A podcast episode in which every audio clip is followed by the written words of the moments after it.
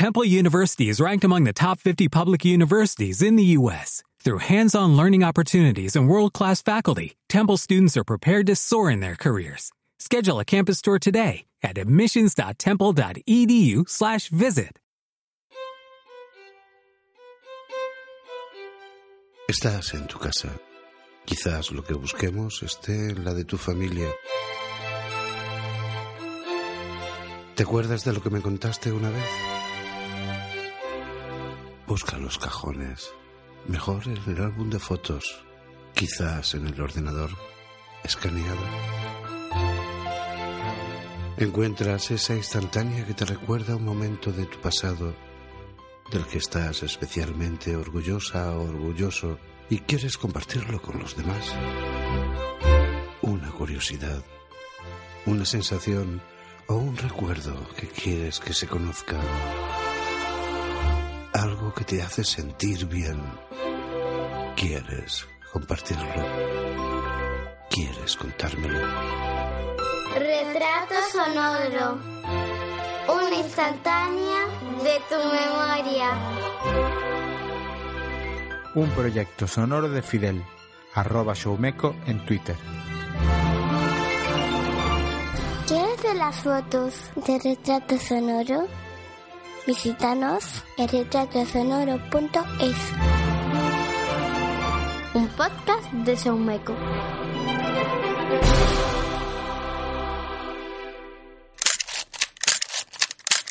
Otra cosa que sí te quiero decir, tú si quieres pegarle una escucha y si consideras que la parte jodidilla se queda demasiado, pues oye, yo te vi con ahí con pozo y con sentimiento. Joder, o sea, no. a mí me, a mí me ha gustado particularmente. Ahora, Eh, no, no, yo, yo déjalo, no, no, ya te lo digo que sí. O sea, Vale, perfecto, que lo pues me o sea, sin duda, sin duda. Me alegro, Porque además, alegro, bueno, es un poquito, sí, la verdad es que en un momento dado está un poquito afectadillo en el sentido, lógico, ¿no? O sea, sí, normal, normal. es que es recuerdas, normal. recuerdas esos momentos y, y Son momentos que tú puedes tener en la mente, pero cuando tienes que expresarlos es más jodido. es más Es jodido. decir, no- y, y ahí fíjate que normalmente, y ahí eh, no es que me haya eh, quedado en silencio, pero tenía ya alguna pausa dramática, ¿sabes?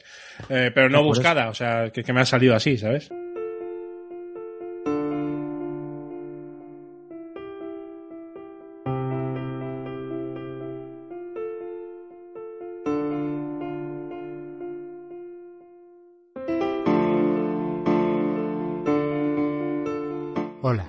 Estás en el retrato sonoro de Julián y el cielo estrellado de su pueblo. Permíteme primero los agradecimientos. Te doy las gracias en nombre de José Luis, de Eduardo, de Esteban, de Claudia y su mami, Patricia, de Julián, y de los que vendrán, Domingo, Alberto. También por ti, por escuchar y comentar en Twitter, en la web y otras plataformas, y en mi nombre propio, por colocar a retrato sonoro de finalista de los sextos premios de la Asociación Podcast. Es una satisfacción enorme que te hayas tomado la molestia, ya seas socio o simpatizante de la asociación, en dar tu voto para que el podcast y las historias que lo llenan de vida adquieran una visibilidad que le haga justicia. Y no solo por mí y los antes mencionados, sino para que las vivencias, recuerdos y sentimientos que en él salen al mundo cojan la repercusión que merecen. Empiezo a ver a retrato sonoro como el altavoz de las pequeñas grandes historias.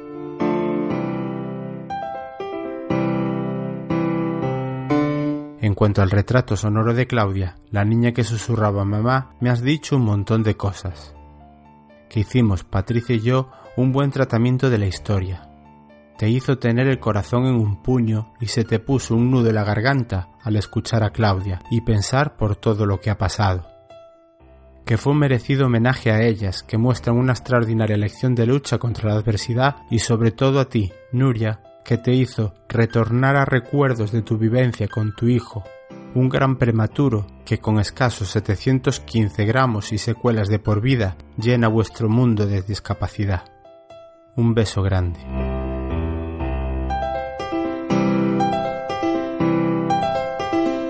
Hoy viene Julián, un niño, un adolescente y luego ya un joven adulto que pasaba los veranos en un pueblecito de Soria. Esas épocas estivales grabaron en la personalidad de Jan Bedel historias que aquí solo hoy apunta, recuerdos que disparan su mente, y me vas a permitir que me tome la licencia de usar el comentario que leí hace poco y que viene al pelo aquí. Emociones que encogen el corazón de Julián y un poquito o mucho, por qué no decirlo, su garganta. Te irás dando cuenta con la escucha de su historia. Hoy oyes una voz reconocible, Julián, que debes escuchar en tres podcasts. Invita a la casa, que hace al 50% con Teresa y que encuentras en la sobremesa de domingo sí y domingo no. Bar Bedel, un bar que te espera la noche de los sábados, donde nuestro retratado entabla conversaciones amigables acompañado por copas con cócteles musicales de su elección. Y te toca podcast, otro gran proyecto sonoro que se caracteriza por el desenfado y los retos de sus grandes participantes. Solo decirte que puedes sacar una conclusión de Julián escuchando sus podcasts y este retrato sonoro y a la que yo he llegado. Es una persona sensible y romántica de los que quedan pocos, en el más amplio sentido de estos adjetivos, y te lo transmite. Gracias a Felipe y Merche por darle sustento al laboratorio que revela el retrato sonoro, a Rosalía y Ana que ayudan con sus voces a ponerle marco a las fotos de los invitados, y a Emilio Souto de Loureda por ponerle banda sonora. Ahora escucha Julián.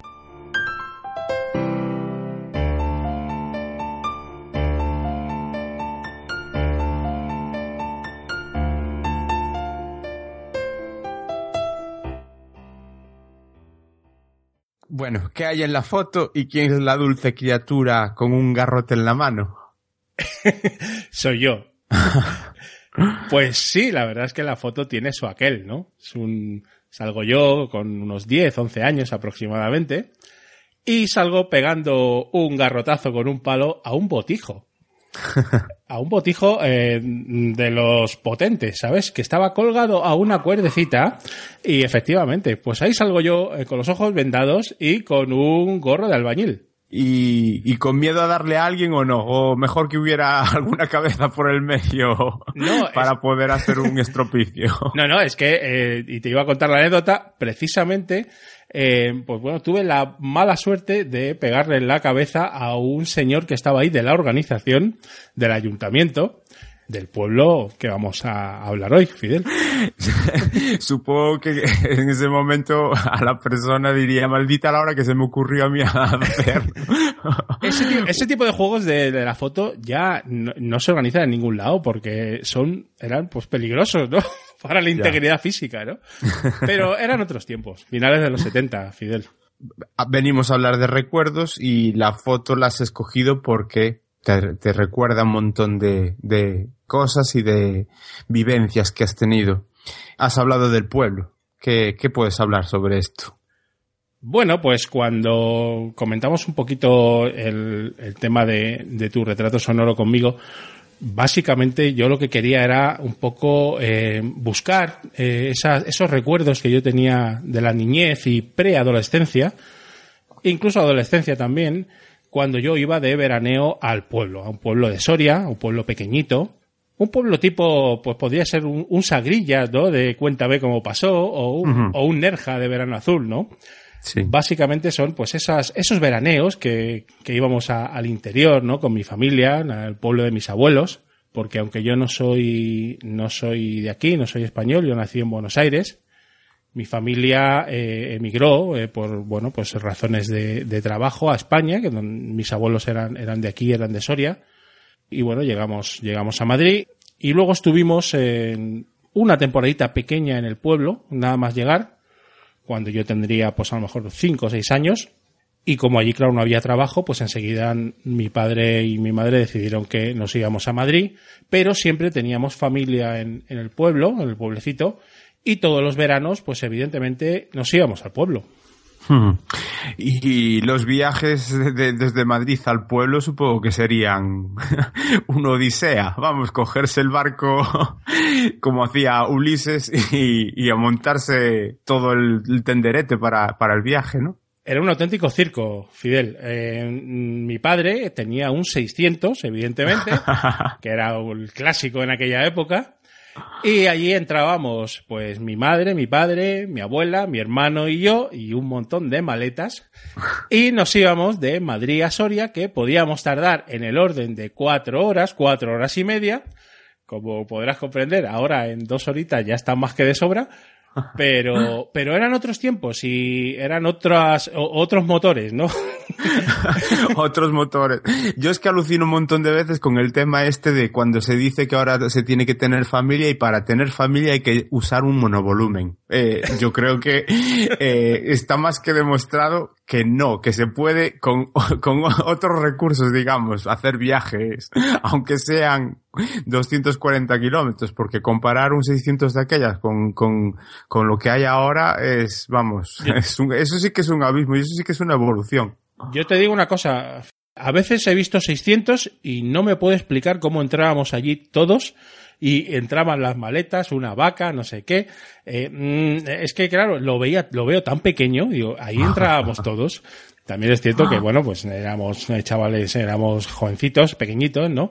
Y bueno, ahí nos metíamos, ¿no? Y, y, la verdad es que sí, eran unos, unos viajes que eran una, auténtica odisea, ¿no? Porque fíjate que está muy cerca, pero había que parar un par de veces porque el coche, el coche se calentaba y pues eso, pues que tardábamos un montón. Pero con mucha alegría, la verdad es que íbamos al pueblo, eran un poco, lo esperábamos todo el año, ¿no? O sea, eran esas vacaciones que eran incluso pues muy largas, ¿no? Porque incluso yo, yo como era buen estudiante, pues yo me podía tirar en el pueblo en verano fácilmente dos meses.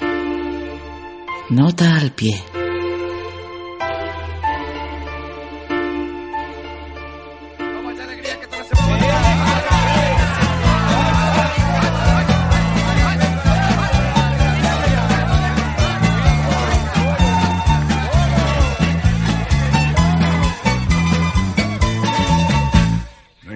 Que te llamen dominguero, airados los taxistas al pasar. Mañana es fiesta y no recuperable, ha de lucir un sol primaveral. San Marcos vuelve en la televisión, milagroso un infarto curará. Atentos al pronóstico del tiempo, aguacero vasco temporal. Adelante, hombre del 600, la carretera nacional. El 600 era un modelo de coche en España que marcó época. El coche que puso viajar a un país convaleciente todavía de su guerra civil es un modelo que ha pasado a formar parte de la memoria colectiva de España, aún en los más jóvenes que quizá no han visto nunca rodar uno fuera de los eventos para reivindicar su figura hoy en día. Incluso sirvió como inspiración para la creación de piezas musicales como este hombre del 600 de Moncho al Puente. El domingo ya ruge su caballo de metal. En 1949, el Instituto Nacional de Industria y la compañía Fiat, participando en una parte del capital empresarial, crean la Sociedad Española de Automóviles de Turismo, SEAT el primer coche creado por esta compañía de nueva creación era el 1400 en el año 1953. Dos años después, basándose en el modelo de un tal Dante Giacosa y que fabricaba la propia compañía Fiat, nacía el 600.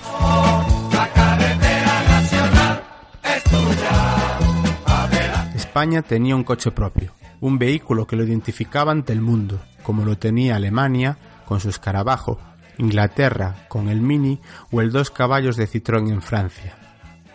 Valía 63.500 pesetas, algo más de 380 euros de hoy en día, pero con el valor del dinero en otra dimensión y época, vamos, que costaba un esfuerzo su compra. Sus plazos de entrega eran muy largos, tardaban meses en entregarse, y Fiat quería que su venta se limitase al mercado español, pero el 600 llegó a convertirse en el coche más vendido de Finlandia y también se conseguirían vender coches a Argentina o la antigua Yugoslavia. Recibió el apelativo de pelotilla y es el coche que marcó a una generación y a las siguientes por formar parte de nuestra cultura. Dejó de fabricarse un 31 de julio de 1973, casi 800.000 coches después. ¿Escuchas? Retrato sonoro. Y mm, yo me imagino que em, sin, tus padres, cuando trabajaban.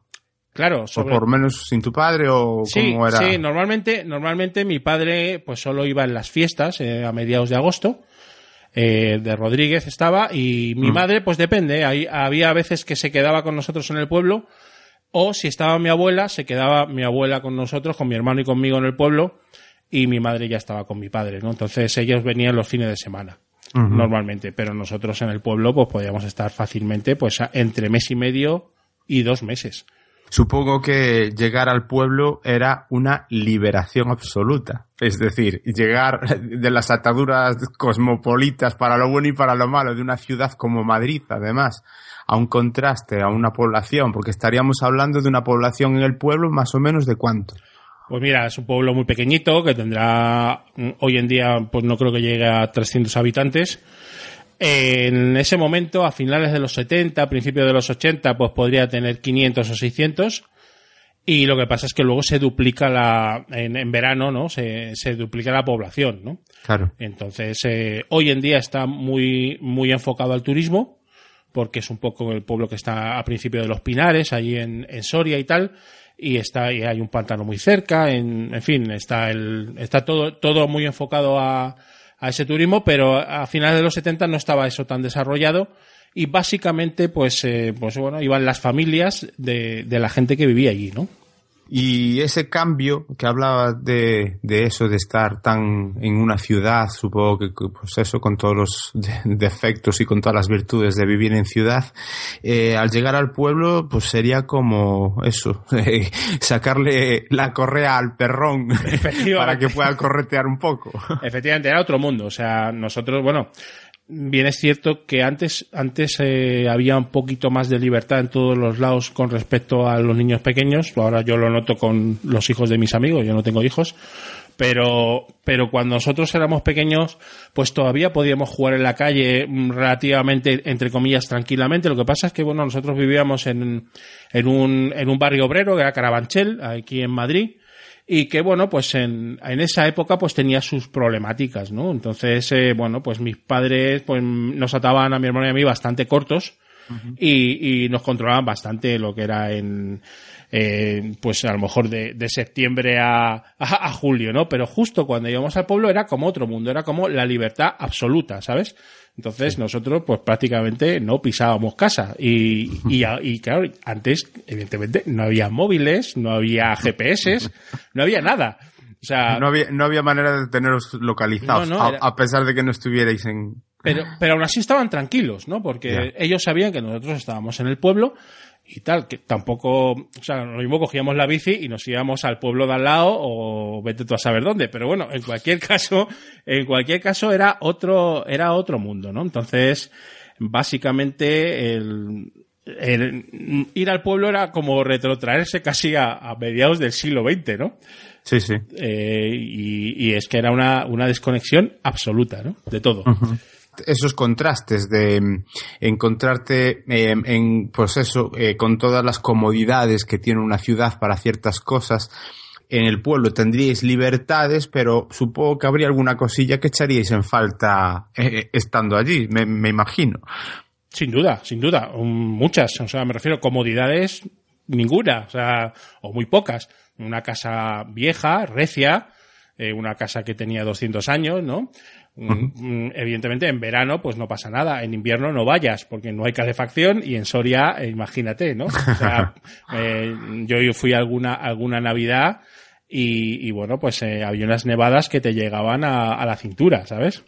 Entonces, eh, comodidades poquitas y además eh, cuando nosotros éramos pequeños en esa en esa franja así como el, a finales de los 70 y, y principios de los 80, fíjate que casi no había teléfono directo, por ejemplo, que es una cosa muy curiosa. Sí sí sí O sí. sea, eh, en- a esas alturas todavía había una oficina de teléfonos con una telefonista poniendo conferencias. O sea, a Madrid había que poner una conferencia. sí sí O sí, sea, sí. parece mentira, pero era así. Sí, sí, eh, eso, bueno, eso, co- con, decirte que seguramente también en esa época, porque yo lo sé por familiares y tal, en ciertas zonas rurales, eh, no estamos hablando de, de, de hace tantos años, cuando tú me estás hablando de finales de los 70, principios de los 80, en algunas casas todavía no había ni, ni váteres. Sí, sí, y no había agua corriente en, algunos en algunos sitios, ¿no? Sí, sí. La verdad es que incomodidades había muchas. Y luego, por ejemplo, temas de transporte y eso, pues si no tenías coche particular o lo que sea, pues eh, eh, había un autobús que bajaba a Soria y otro que subía a Burgos, y si no lo cogías, ahí te quedabas. Porque no había posibilidad ninguna salvo que a lo mejor pidieras un taxi a Soria, pero te salía una barbaridad de dinero, bueno, unas cosas. Entonces, eh, estabas allí, pero bueno, estabas contento, estabas feliz, estabas con tus amigos, con la gente que, que ibas, iban todos los años contigo y, y la verdad es que lo pasabas, lo pasabas muy bien. Sí, porque, a ver, yo supongo que eh, la estancia en el pueblo, todos los días la libertad de poderte ir de un sitio a otro y tal, se planificaba o se tenía muy presente, supongo, que las fiestas, ¿no? Eh, digamos que sería el punto sobre el que pivotaban las vacaciones. Digamos que habría un antes y un después de las fiestas. Básicamente sí, era el punto álgido del verano, eran las fiestas del pueblo, evidentemente, fiestas que duraban entre cuatro y cinco días y que desde pequeñitos, pues bueno, allí en los pueblos de, de castellanos, sobre todo, y supongo que en, en otros muchos sitios, pero sobre todo en Castilla, se lleva, en Castilla y también quizás en, en Navarra, incluso el País Vasco y tal, se lleva mucho el asunto de las peñas, ¿no? Entonces, pues bueno, pues un eh, grupo de chavales y de, y de amigos y tal, que montan su propia peña, y en el, en el pueblo, en, la- en las fiestas, pues vives prácticamente en la peña, pues te pones la camiseta de la peña, estás en, el, en los sitios, en los casillos que, que se habilitan al efecto. Y bueno, pues vives las fiestas de una manera pues muy cercana, con, con tus amistades y tal, y prácticamente, pues bueno, tu familia se queda relegada a un segundo plano absoluto, ¿no? Y disfrutas, disfrutas muchísimo, ¿no? Sí, sí, pero supongo que también en, en, esa- en estas, en este tema con las fiestas habría un punto de inflexión. No sería lo mismo cuando las bebía, las vivías, pues lo que hablábamos ahora de, con respecto a esa foto, 10, 11 años que cuando tendrías 16 o 18. Seguro, seguro. Cada, cada época tenía su forma de vivir las fiestas. Siempre eran un momento muy, muy divertido, muy, muy álgido y tal. Pero claro, bueno, cuando era más pequeñito, pues bueno, hacías una serie de cosas y ya cuando eras más mayorcito, hacías otras, ¿no? Os, intenta- os- os intentaba. os intentaba, os intentaba. Con, con más o Eh, menos fortuna, ¿no? Las fiestas están muy vinculadas, lógicamente, al tema religioso, muchísimo. Entonces, eso se notaba en la vida de la gente en el pueblo, supongo que más que en la ciudad. Es decir, eh, la, en la omnipresencia de la religión supongo que, es- que es, eh, era clara. Total, totalmente. Eh, además, en, en esos pueblos sorianos que son pues muy de tradición, muy de, muy de religión también, ¿por qué no decirlo? Pues bueno, en las fiestas también tenían su, su novena, eh, que iban todo, todo el mundo allí a, a la novena, ¿no? Pues- Y no solo, y no solo la gente mayor, que era una cosa así muy curiosa, ¿no? Sino que gente joven también era muy devota, ¿no? Y bueno, la misa de los domingos era totalmente sagrada e impepinable, ¿no? Incluso para la gente que, que veníamos de, de turista, ¿no? También, también íbamos por allí, había que ponerse guapo y había que ir a misa los domingos. Aunque luego te quedaras en la puerta, ¿sabes? Pero, Sí, sí, sí. pero había, pero había que ir, ¿no? Y la verdad es que está muy vinculado todo al, al factor, al factor religioso. Fíjate si estará vinculado. Que, que yo hasta fui monaguillo, Fidel. Aquí donde me ves, que soy, estoy a mitad de camino entre, entre el agnosticismo radical y el ateísmo moderado. O sea, estoy ahí, ahí. Pues bueno, en, en mis tiempos jóvenes, cuando iba a hacer la primera comunión, pues sí, fue, fue monaguillo. No sé si quieres que te comente un poquito esa historia así Sí, rápidamente. sí, por supuesto. A ver, yo entiendo, yo entiendo que, claro, eran momentos en los que tampoco tendrías mucho poder de decidir qué hacer o no qué hacer, o, o qué no hacer. Supongo que ahí también influiría la decisión de papá y mamá o del abuelo o de quien fuera Cierto. a la hora de, de meterte en esos fregados. Totalmente, totalmente. Mi abuela tenía la ilusión de que nosotros eh, hiciéramos la primera comunión en la ermita del pueblo, como está mandado. Entonces, nosotros no somos nadie para, para decirle a mi abuela que no, ¿sabes? Entonces, pues nada, eh, fuimos a, a las catequesis en, en Madrid antes de ir a- al verano. Entonces nos tocó una parroquia un poquito curiosa, ¿no? Porque bueno, en un pueblo obrero, un pueblo, eh, perdón, en, en Carabanchel, donde vivíamos en, el, en nuestro barrio, era un barrio así un poco, eh, que la, la parroquia era un poquito roja, por decirlo de alguna manera, muy progresista para aquella época. Y claro, el, nosotros, a nosotros nos hicieron una catequesis y luego llegamos al pueblo y el señor cura del pueblo pues nos evaluó a mi hermano y a mí y llegó a la conclusión de que no nos hacía la primera comunión porque no estábamos preparados.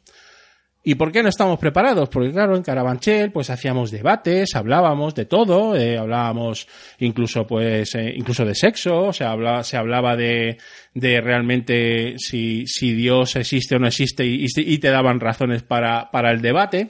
Pero claro, llegas al pueblo y era un cura de los de antes, pero de los de muy de antes, ¿sabes? Antes del concilio, casi. Entonces, bueno, de hecho, de hecho yo allí escuchaba, yo me acuerdo de jovencito, el, eh, misas en latín. Ajá. Fíjate eh, que, eh, eh, que en principio no estarían permitidas, según me contaron luego, porque mm, luego la, la misa es en castellano, pero mucha mucha parte de la misa la daban en latín.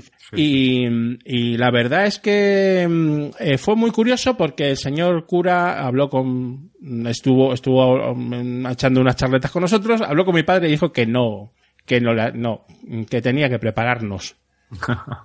Y yo, pero ¿cómo que prepararnos? Si han hecho la catequesis. No, no, prepararnos de verdad. Y yo, ah, pues prepárenle ustedes de verdad. Porque los niños tienen que hacer la comunión. Y nos prepararon de verdad. Pero tan de verdad que mm, nos estuvimos aprendiendo el catecismo de memoria. Cuidado. Incluso haciendo prácticas en monaguillo, sacristía y tampoco mucho, ¿sabes? Pero bueno, alguna, alguna hicimos, ¿no? Y era, y la verdad es que lo recuerdo con bastante nostalgia y, y me he hecho unas risas muy fuertes cuando, cuando me acuerdo de ese tema, ¿no? Porque además hicimos la primera comunión y yo creo que la última vez que comulgué fue ese día. De todas formas, me parece a mí que has escogido mal la foto. ¿eh? Esa foto de monaguillo no, no tendría precio. Eh, no tengo fotos de monaguillo, fíjate, ¿eh? Es que Seguramente el cura no dejaba hacer fotos. ¿Sabes lo que pasa, Fidel? De hecho, casi no tengo fotos de esa época, porque es que Ya. antes no se sacaban fotos, Sí. como ahora. O sea, me Claro. refiero, ahora, claro, tienes un millón de fotos de todo, de cualquier cosa que hagas. Pero es que antes no. Antes sacar una foto, bueno, guau, era ya, era ya la leche, ¿no? Entonces, eh, sí que, y eso es una cosa que a lo mejor he hecho un poquito en falta, ¿no? Es decir, jo, me hubiese gustado tener, tener fotos y tener incluso algún vídeo de esa época, ¿no? Porque, bueno, vídeo por supuesto que no, ¿no? No había, estaba el Cinexin y nada más. Sí, sí. Así que, pero sí que es cierto que sí, esa, esa foto de Monaguillo hubiese sido también para retrato sonoro lo suyo, ¿no? Sí, supongo que hasta, hasta para un debate sobre la, la religión, o, o, o, o no. Seguro, seguro que sí. Nota al pie.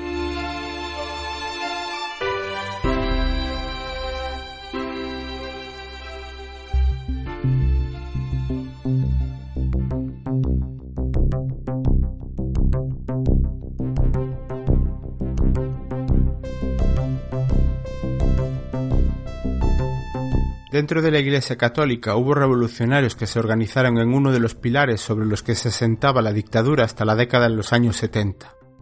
Esta, la Iglesia, había apoyado el golpe militar contra la Segunda República y respaldado la dictadura. Asumió en ella incluso funciones represivas y adoctrinadoras por lo que mucha clase obrera creyente se rebeló. Los primeros dirigentes de los que se denominó Acción Católica plantearon un método que consistía en la infiltración entre trabajadores y una pedagogía basada en el ver, juzgar y actuar. Y situaron la acción militante contra la injusticia como núcleo de la formación de sus miembros. Sus líderes, Guillermo Rovirosa y Tomás Malagón, rechazaron el nacionalcatolicismo e impulsaron un proyecto obrerista que atrajo a sus filas algunos comunistas, anarquistas y socialistas. Miles de trabajadores asistieron a cursos sobre historia del movimiento obrero y leyeron la única prensa obrera tolerada por la dictadura durante unos años. También crearon editoriales como ZYX y Popular, y en el ámbito laboral, los activistas de la Acción Católica se implicaron en las huelgas y en la construcción del nuevo movimiento obrero, donde también se incorporaron algunos sacerdotes, que ofrecían los locales parroquiales, denunciaban detenciones y torturas, e instaban a sus superiores a distanciarse de la dictadura. La respuesta de la Iglesia y el régimen fue el desmantelamiento de la acción católica en junio de 1966. La Comisión Permanente del Episcopado prohibía a estos movimientos publicar críticas a la dictadura, suspendía reuniones y destituyó a sus dirigentes. La crisis de este movimiento dio pie al desarrollo dentro de una corriente comunitaria que arraigó en Madrid en parroquias de Moratalaz, como era La Montaña, Vallecas y Carabanchel con Caño Roto, impulsada por sacerdotes obreros como José María Llanos, Mariano Gamo y Carlos Jiménez de Parga. Muchos de los militantes de la desmantelada Acción Católica se integraron en las nacientes comunidades de base, puesto que además de participar en partidos y sindicatos ilegales, necesitaban espacios para poder desarrollar y vivir sus creencias cristianas. En las asambleas de estas comunidades que giraban alrededor de las parroquias, se denunciaba la explotación laboral, el paro, las torturas, la falta de servicios básicos como educación, sanidad y vivienda, la ausencia de libertad sindical y la opulencia de la Iglesia. Como nos dijo Julián, su parroquia estaba en Carabanchel, y aunque dije que la base de este movimiento era la parroquia de Caño Roto, muchas otras parroquias asumieron como suyas esta forma de ejercer su fe y su compromiso. Estos grupos se reafirmaban como una comunidad de cristianos comprometidos, dispuestos a colaborar con todos los que luchan por una sociedad justa, sean creyentes o no, la celebración de asambleas entre comunidades y los restos de acción católica dieron paso a la creación de la Federación de Asambleas Cristianas en 1967. La dictadura se metió a fondo contra esta organización, acosando a sus integrantes y deteniendo a uno de sus impulsores, el cura obrero Mariano Gamo. También utilizó un grupo del que a mí particularmente me sonaba el nombre desde siempre, pero que nunca sabía a qué se dedicaba y ahora leyendo cosas para este retrato sonoro me encontré, los guerrilleros de Cristo Rey, cuyos miembros irrumpían en las iglesias armados con pistolas y cadenas, apaleando a los asistentes. La FAC, la Federación de Asambleas Cristianas, no pudo sobreponerse a la represión y se disolvió a finales de 1969. Aquellas personas que mantuvieron su fe y necesitaban una comunidad donde compartirla se orientaron a las comunidades cristianas de base, que afirmaron que sus creencias cristianas potenciaban su compromiso con la lucha por la justicia.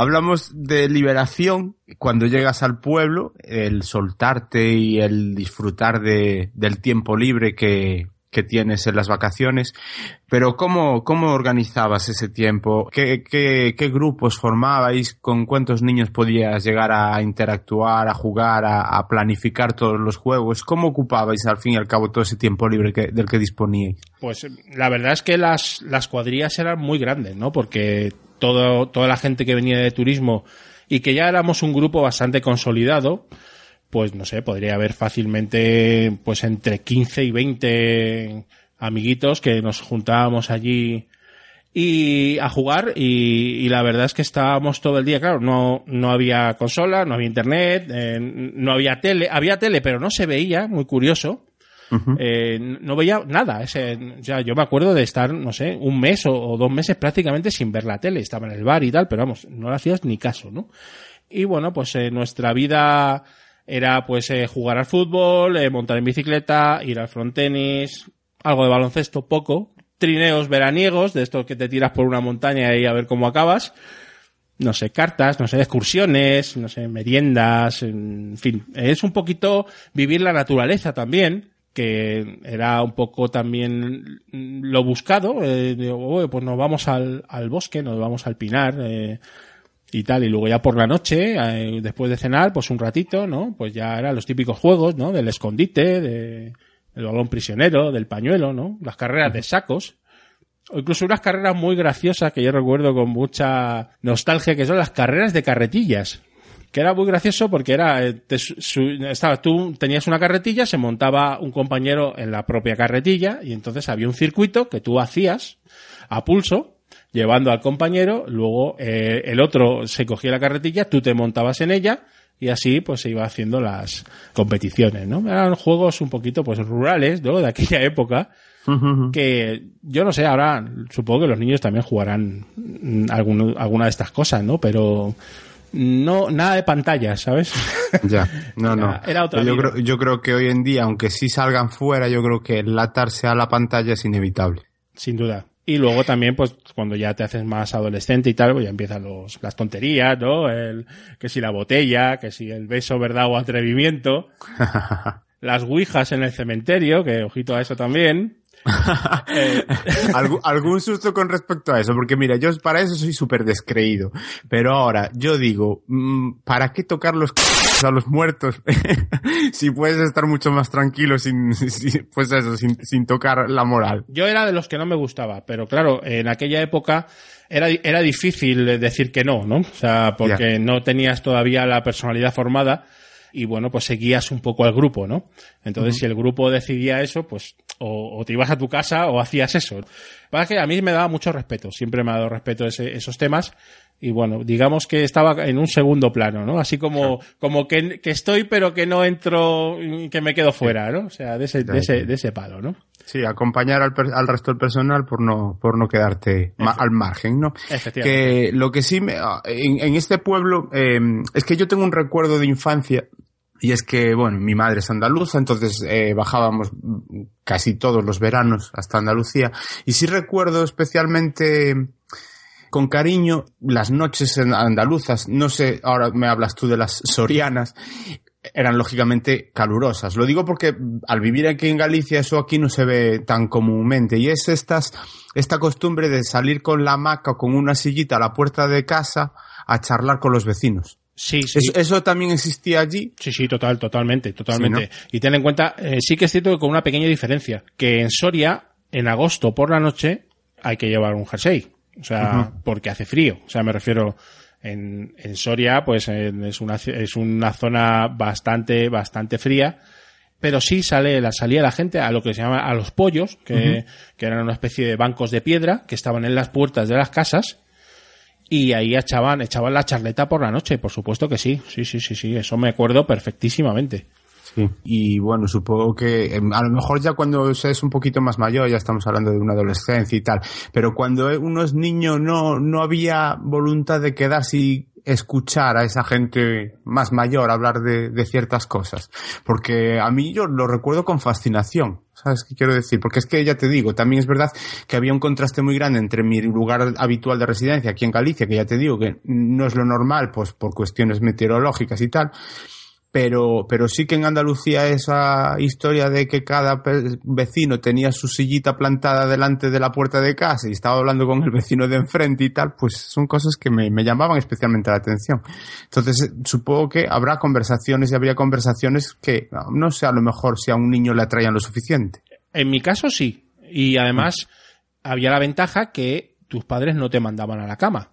Me refiero, eh, estábamos de vacaciones y entonces, bueno, pues te podías quedar hasta tarde y yo la verdad es que esas tertulias que se montaban de mayores, yo siempre ahí tenía el, el oído avizor, ¿no? Entonces, eh, sí, estaba por ahí, estaba jugando con mi hermano y tal, pero estaba muy atento a todo lo que, a todo lo que decían los, los mayores y nos quedábamos hasta, hasta tarde, ¿no? Hasta tarde ahí con, con ellos. Y al hilo de esto, otra de las cosas que no se podían hacer en, en Madrid, por ejemplo, o en, o en, otras urbes, y sí en Soria y sí en el pueblo, era ver las estrellas.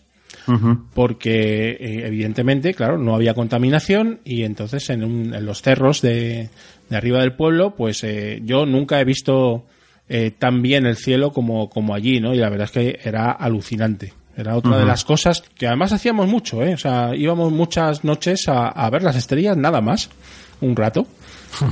y una pregunta ya más íntima. ¿Qué se siente al ver las estrellas? Yo te lo digo porque yo tengo una sensación y, y, es la de sentirme pequeñito, pequeñito, pequeñito. Sí, eso es un poco lo que nos, a mí también me pasa, ¿eh? O sea, dices, uy, eh, todo eso ahí fuera y yo aquí tan pequeño, ¿no? Sí, a mí, a, mí la verdad es que me fascina, me fascina y, y sí que es cierto, fíjate, no sé si será por la capa de ozono o vete a saber por qué, que ahora vas al pueblo y ya no lo ves como antes, o a lo mejor sí, pero antes tenías otra sensibilidad, otra sensación, ¿no? Quizás eso también pasa con otras muchas cosas, ¿no? Cuando, eh, cuando eres pequeño lo ves de una manera, cuando eres mayor de otra, ¿no? Datos, anécdotas, vivencias, recuerdos. Volviendo al tema de los juegos y de las de, de, el tiempo libre, claro, inevitablemente para los juegos, pues lo que hablábamos, os juntabais un montón de gente. Ahí supongo que surgirían grandes amistades, muy grandes, que al final del verano tendrían que romperse. Mm, explícame un poquito esa sensación de la, rotu la ruptura al final del verano, de esa, esa unión entre un grupito importante.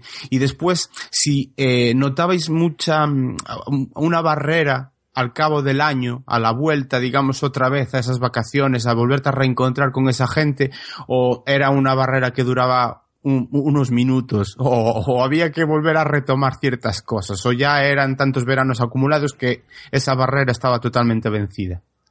Sí, vamos a ver, sí. Eh, lo primero, el, eh, bueno, la despedida eran auténticos dramas. O sea, y tipo, pues, eh, Julia en Verano Azul cuando se va del pueblo, el final del verano, ahí con la música del dúo dinámico, pues efectivamente era así. O sea, la verdad es que, claro, después de estar un mes y medio o, o casi dos meses, pues compartiendo vida con otra gente y, tal, pues despedirse, pues era complicado, ¿no? Era, era difícil.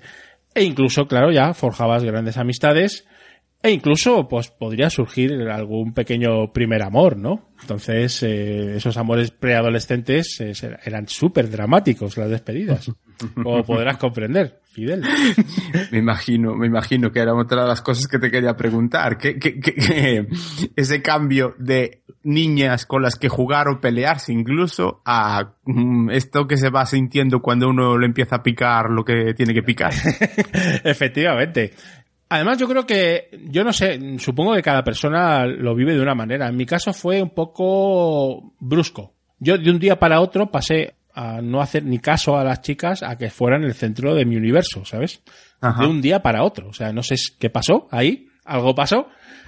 y, y, fue así, ¿no? Entonces fue, eh, y además me pilló en mitad de, de ese verano, me acuerdo perfectamente.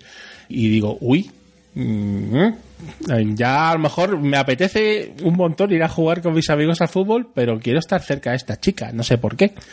Eh, no, en ese momento no tenía mucha idea, luego ya evidentemente pues vas atando cabos, ¿no? Pero sí, sí, esos, esos amores de preadolescencia en el pueblo en verano, pues ahora los recuerdo con mucha nostalgia y mucho cariño, ¿no?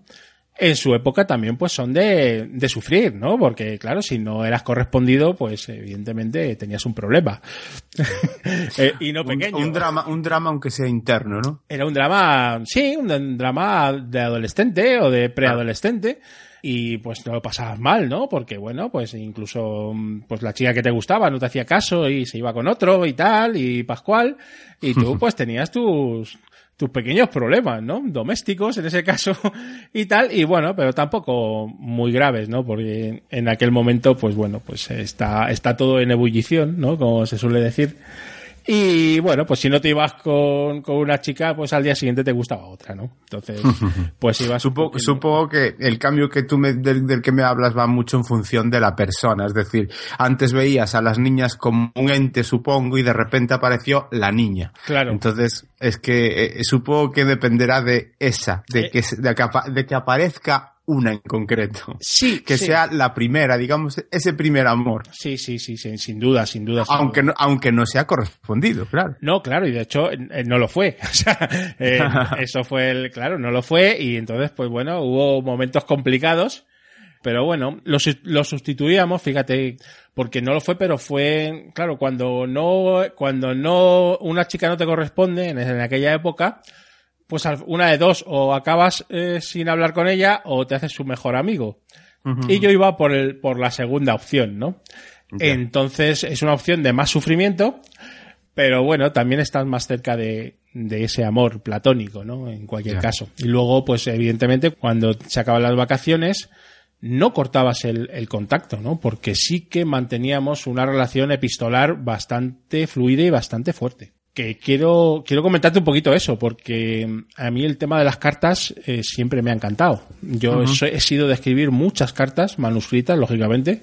En aquella época no había otra manera de comunicarse, porque claro, el, el teléfono era muy caro y nadie de nuestra edad, de estos, eh, no sé, 12, 11 o 10 años, podía permitirse el lujo de hablar por teléfono una vez a la semana con alguien que no veías en nueve meses, ¿no? Entonces funcionaba muy bien las cartas, nos dábamos las direcciones y, y manteníamos, manteníamos ese contacto vía, vía carta, ¿no? Y tengo muchas, tengo muchas, incluso tengo alguna guardada de esa época y que luego alguna vez que las repaso, la verdad es que me pongo muy nostálgico, ¿no? Porque éramos tan inocentes, ¿no? En aquella época. Supongo que la conservación de esas cartas incide más en eso, en esos recuerdos que tú tienes, es decir, el, el- el que conserves esas cartas eh, demuestra lo que te marcó esa época. Sin duda, totalmente. O sea, mm, claro, porque si no, ¿de qué las iba a conservar yo? no? Claro, claro. Eh, Pero sí, sí. Además, soy muy de conservar ese tipo de, de recuerdos. No es que tenga muchos, pero sí, sí, sí, soy, soy, me, me gusta, me gusta tener ese cajoncito de, de nostalgia de mi vida, de mi vida de pequeño, ¿no? Entonces, eh, sí, sí, la verdad es que lo de las cartas era muy importante. Además, no sé, a lo mejor se puede extrapolar un poco a cuando alguien recibe un, un correo electrónico, un WhatsApp de alguien que le interesa mucho. Pero el hecho de yo ir al buzón y ver una carta de, de algún amigo del pueblo, o incluso alguna chica que me gustaba o lo que sea, y me daba un subidón, o sea, es que un subidón de adrenalina espectacular, ¿sabes? O sea, no es que no, no llegaba a casa y ya la estaba abriendo en, en la escalera para leerla, ¿no? Nota al pie.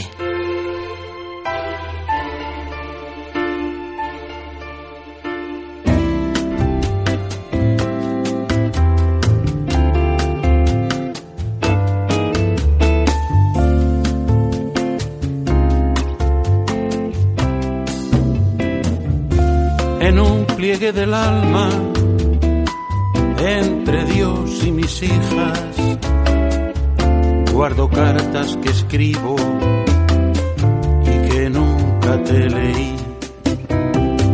Hablan del primer beso y del vestido blanco que una tarde de mayo estrenaste para mí. Yo tenía 24 años y estudiaba para ser feliz. De tus ojos pardos y serenos, de versos en servilletas de papel, donde te dije por primera vez, te quiero. Al hablar de la nostalgia que le supone a Julián recordar aquello del misterio y ansia por las letras que podían venir escritas en cartas remitidas por otra persona, su compañera Teresa en el podcast Invita a la Casa número 31 hace referencia a un movimiento creado por el portugués Paulo Magalhães que se llama postcrossing.com. Este hombre un buen día se dio cuenta que se estaba perdiendo esa bonita tradición de enviar cartas o postales dentro de un país o casi mejor desde cualquier lugar del mundo al otro extremo. Para tapar ese hueco creó postcrossing.com, que es una plataforma en la que tienes que darte de alta para poder enviar o recibir postales de cualquier persona de cualquier zona del mundo, siendo una total sorpresa que pondrá esa postal de quién procede y de dónde. El relámpago y el trueno, dos cuerpos.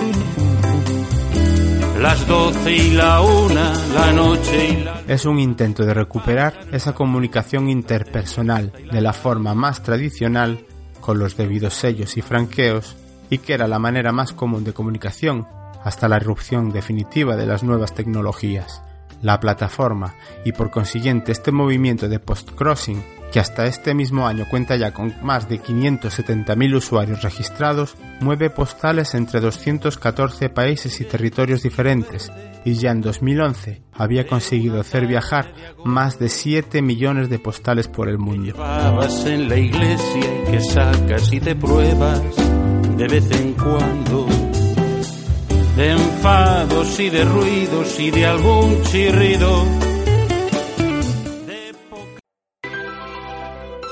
¿Escuchas? Retrato sonoro.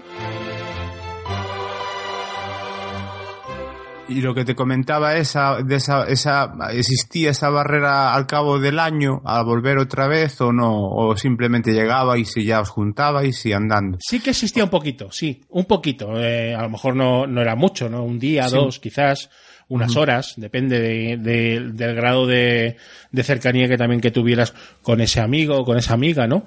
Pero sí que había un pequeño ahí como diciendo, es que hemos estado nueve meses sin vernos, ¿no? o 10 meses sin vernos.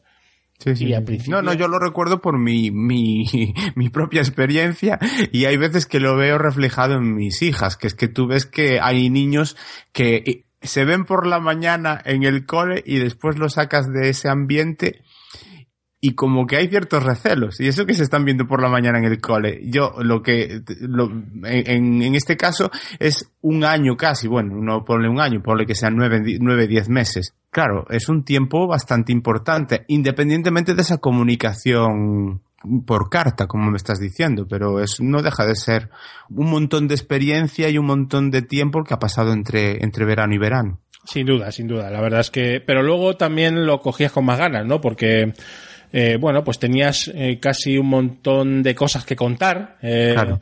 de todas las vivencias que habías pasado en el invierno y tal. Y bueno, pues no hay mal que por bien no venga, ¿no? Y la verdad sí, es que eh, eran años que, que yo recuerdo con muchísima felicidad y, y bueno, pues eh, muy positivos, ¿no? dos, dos meses, que serían los que pasabas cada verano, al cabo de mucho tiempo, muchos años, pues vas acumulando, pues eso, mucho tiempo, muchos recuerdos, muchos buenos recuerdos. Pero supongo que todos no serían tan buenos. Alguno habrá malo por en medio. Algún recuerdillo que quizás provoque que los buenos sean fenomenales, pues Claro, evidentemente siempre hay malos también, ¿no? O sea, no solo va a haber buenos.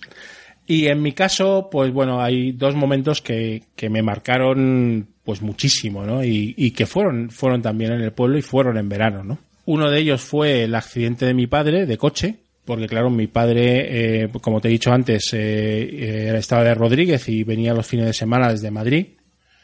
Y un día, pues estamos mm, jugando por allí y de repente viene mi tía, que también vivía allí, eh, ella vivía todo el año, y me dice, "Iro- iros a casa inmediatamente. Os tiene que decir algo vuestra abuela. Yo no me gustó nada esa cara. Y, y nos fuimos y estaba mi abuela llorando y nada, le habían, le habían dicho que mi padre había tenido un accidente en la, mientras venía al pueblo. Mi madre inmediatamente cogió un taxi y se fue para allá, para, para Segovia, porque el, el, el accidente había sido, había sido allí, en la carretera de Burgos. No es, no exactamente en Segovia, ya que por Riaza o por ahí. Fueron momentos muy, muy, muy difíciles, porque además las noticias no eran buenas, para nada, ¿no? Y había pocas noticias, porque, eh, claro, en esa época no había móviles, no había prácticamente comunicación y no sabíamos nada. O sea, de- incluso había, mm, a nosotros no, evidentemente no nos lo dijeron, pero las primeras informaciones eran fatales, ¿no? Y yo me acuerdo perfectamente que fueron, pues no sé, no sé cuánto tiempo pasó desde que nos dijeron eso hasta que eh, hubo una llamada que nos dijo, bueno, eh, está grave, pero está fuera de peligro. Pero no se debieron pasar seis o siete horas fácilmente, o pues ocho. vivir. Y bueno, yo las recuerdo como de las peores de mi vida, sin ningún Sí, tipo de sí. duda, ¿no? Porque. Era una situación muy, muy complicada, ¿no? Entonces, bueno, el- sí que recuerdo eh, de aquella, de aquella, de aquellos momentos, eh, un poco pues la cercanía de la gente, ¿no? De, pues no, la gente sabía que, que podía pasar un- una fatalidad, ¿no? Y, y estuvieron todos muy cerca en todo momento, ¿no? Eh, apoyándonos y, y, bueno, eso la verdad es que se, se agradeció mucho y la- luego ya cuando, cuando efectivamente ya nos dijeron que estaba fuera de peligro, bueno, pues fue una, un alegrón tremendo, ¿no? Luego, la verdad que fue, fue un accidente muy grave y, y estuvo mi padre en el hospital pues por lo menos 20 o 25 días Sí, sí. eh, eh, por allí, ¿no? Entonces, eh, bueno, pues eso eso te, te marca mucho, ¿no? Entonces, eh, pero bueno, como al final pues salió salió todo bien, pues bueno, al final pues eh, lo, lo minimizas y tal, ¿no? Sí, lo relativizas lo, con el tiempo. Lo relativizas con el tiempo y tal. Luego hubo otro que evidentemente fue mucho, mucho peor, ¿no? Y fue, bueno, pues eh, la muerte de mi madre en, en el pueblo en, en un verano, ¿no? Y, y fue, pues imagínate, ¿no? El- una situación, pues, la peor- evidentemente la peor que he pasado en mi vida. Y fue de repente. Y, y bueno, mm, un derrame cerebral, nada más llegar. Llegamos con el coche tranquilamente. Bien, eh, contentos, evidentemente. Ya, yo ya era un poco más mayor, ya est- está- estaríamos hablando del año 93, más o menos. Tendría 22 o 23 años. Y, y, llegaba al pueblo, pues evidentemente con muchísimas ganas de fiesta. En aquella época, bueno, eras joven y, ibas al pueblo a, a, divertirte con tus amigos, ¿no? Y también con tu familia a pasar, a pasar las vacaciones, ¿no? Y mm, tampoco te creas que recuerdo todo bien, es un poco una nebulosa porque evidentemente quizás el, cerebro también es listo y, sabe un poco enmascarar esos, esos malos momentos para que no los recuerdes bien, o eso es lo que yo pienso.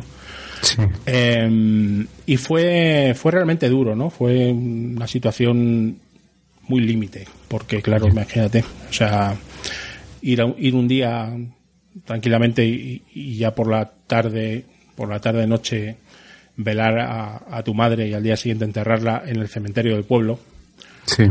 Eh, pues eso marca. es, el, contraste de, lo planificado, de lo que pensabas que iba a ser, y encontrarte con la muerte de tu madre. Además, eh, en, algo que pensabas que iba a ser súper divertido y que te lo ibas a pasar bien, te encontraste con una de las situaciones más dramáticas que puede vivir una persona, que es la muerte de su, de su madre. Sin duda, sin duda. Y y efectivamente fue un. Eso luego a mí me marcó definitivamente y ya, evidentemente, todo cambió. Sí. Todo cambió. Que fue doblar, doblar la hoja, ¿no? Fue, doblar la hasta, hoja. Hasta ese punto era una cosa y a partir de ese punto ya fue otra diferente. Ya fue otra, porque eh, evidentemente luego mm, estuvimos muchos años sin ir. Eh, muchos años, pero yo calculo que estaríamos, que fuimos, estuvimos sin ir al pueblo en verano, eh, pues del orden de 8 o 9 años, fácilmente. Sí que íbamos en otros momentos del tiempo, íbamos en invierno, íbamos en primavera o en otoño, ¿no? También un poquito a, a bueno, pues íbamos al cementerio a ver a, ver a, a, a mi madre. Y, pero ya no en verano. ¿Por qué no en verano? Porque ya asimilabas asimilabas que, mm, que ibas, que no te lo ibas a pasar bien, que, y además mi abuela que todavía vivía, eh, bueno, pues se ponía muy triste, ¿no? Entonces, eh, bueno, decidimos mm, dejar de ir. Y, y bueno, la verdad es que fue un palo increíble, ¿no? Y no solo, evidentemente, no, no solo por, por eh, esos veranos que ya no, que ya no se vivieron, ¿no? Sino por, por un poco cómo marcó y el pueblo pasó a ser de un divertimento, de algo positivo, algo bonito, algo, mm, algo triste, ¿no? Entonces, eh, luego volvimos, evidentemente sí, yo luego más adelante ya volvimos, incluso volvimos en verano, ¿no? Eh, porque bueno, evidentemente el tiempo, el tiempo va un poco suturando, aunque no cicatrizando del todo esas heridas, ¿no? Pero no era lo mismo, no era lo mismo era, era otra cosa, ¿no? Entonces, y además yo ya era más mayor, ya era, eh, claro, ya era otro, incluso los amigos que yo tenía ya estaban algunos, ya no estaban todos, pero bueno, digamos que yo me había perdido una serie de años donde pasaron cosas en, ese grupo y ya estaba como un poco fuera de juego. Así me sentía yo, ¿no? Y, bueno, pues eh, evidentemente. ¿Pero te sentías tú o tú crees que yo creo que era algo más general? Más de, mm, mm, ya no solo de ti, sino de pues cada uno de los miembros del grupo. Cada uno va haciendo su vida, cada uno va conociendo gente nueva. Yo qué sé, un montón de circunstancias. Aparte de la tuya que te marcó suficientemente, que fue lo de tu madre. Pero me refiero a que tú ya cuando veías a esa gente, pues supongo que ellos también te verían a ti diferente. Es decir, supongo que sería algo mutuo. Eh, sí, estoy bastante de acuerdo en esa, en esa afirmación. De hecho, es un poco la vida misma, ¿no? Y, la, evolución, nos hacemos mayores y vamos cambiando, ¿no? Como decían los celtas cortos, ¿no? Eh, ya no queda casi nadie de los de antes y los que hay han cambiado, ¿no? Y es así, ¿no? O sea, claro, evidentemente pues eh, la vida evoluciona y, todos vamos teniendo nuestras circunstancias, pero pasa en todos los órdenes de la vida, no solo en, el grupito este de, verano, ¿no? También con mis amigos en, eh, aquí en Madrid ha pasado, ¿no? Y, pasa en general, ¿no? La vida ya te va llevando por, por tus circunstancias y los grupos se rompen. Eh, es así. No, y, en estas últimas épocas en las que, que, has estado, em, os juntáis algunos de aquel grupo, eh, de aquellos grupos que, que, tuvisteis en esas épocas felices y recordáis viejos tiempos, os sentáis y decís a, a, recordar batallitas. De hecho, de hecho solo hacemos eso, o sea, básicamente, básicamente nos reunimos a tomar cervezas y a recordar esos tiempos, ¿no? Porque además es lo que tenemos en común y lo que nos une y cuando ya que hay, hay, veces que es que ya ni conoces a alguien, digo, joder, tío, pero si tú eres tal, que es que estábamos jugando allí en el casillo de mi tío y es que prácticamente ni le reconocía él eh, yo a él ni él a mí y luego nos juntábamos el pues así la gente que ya pues a lo mejor ya tenemos nuestro el 4 en el marcador nuestros 40 y alguno y tal, algunos ya medio calvos, otros ya con su barriguita y tal, y nos lo pasamos genial, la verdad es que sí. Lo que pasa es que ya, evidentemente, yo ya voy, si voy cuatro días, fin de semana, o sea, evidentemente nada de ni de ni de 10 días, ni de 15 días, ni de un mes, ¿no?